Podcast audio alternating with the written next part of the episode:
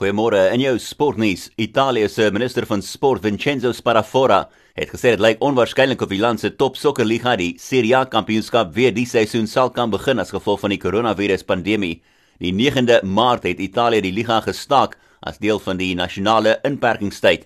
Frankryk en Nederland het alreeds besluit dat hulle sokkerseisoene verby is, terwyl die Engelse Premierliga, die Duitse Bundesliga en Serie A gesê het dat hulle hulle seisoene wil klaarmaak. In Spanje gaan La Liga klubs volgende week begin om hulle spelers te toets vir die koronavirus as deel van 'n eerste stap in die proses om weer die seisoen te begin in Junie.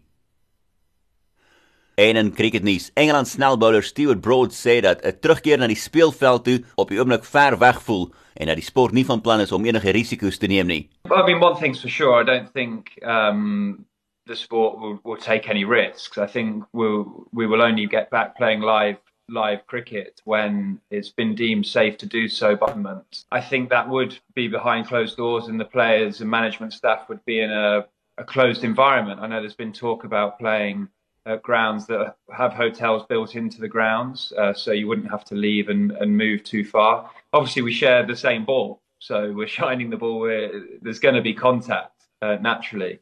But yeah, I mean, it's, it's, it is strange for players. It, it does still feel a long way away from from getting back to, to playing cricket.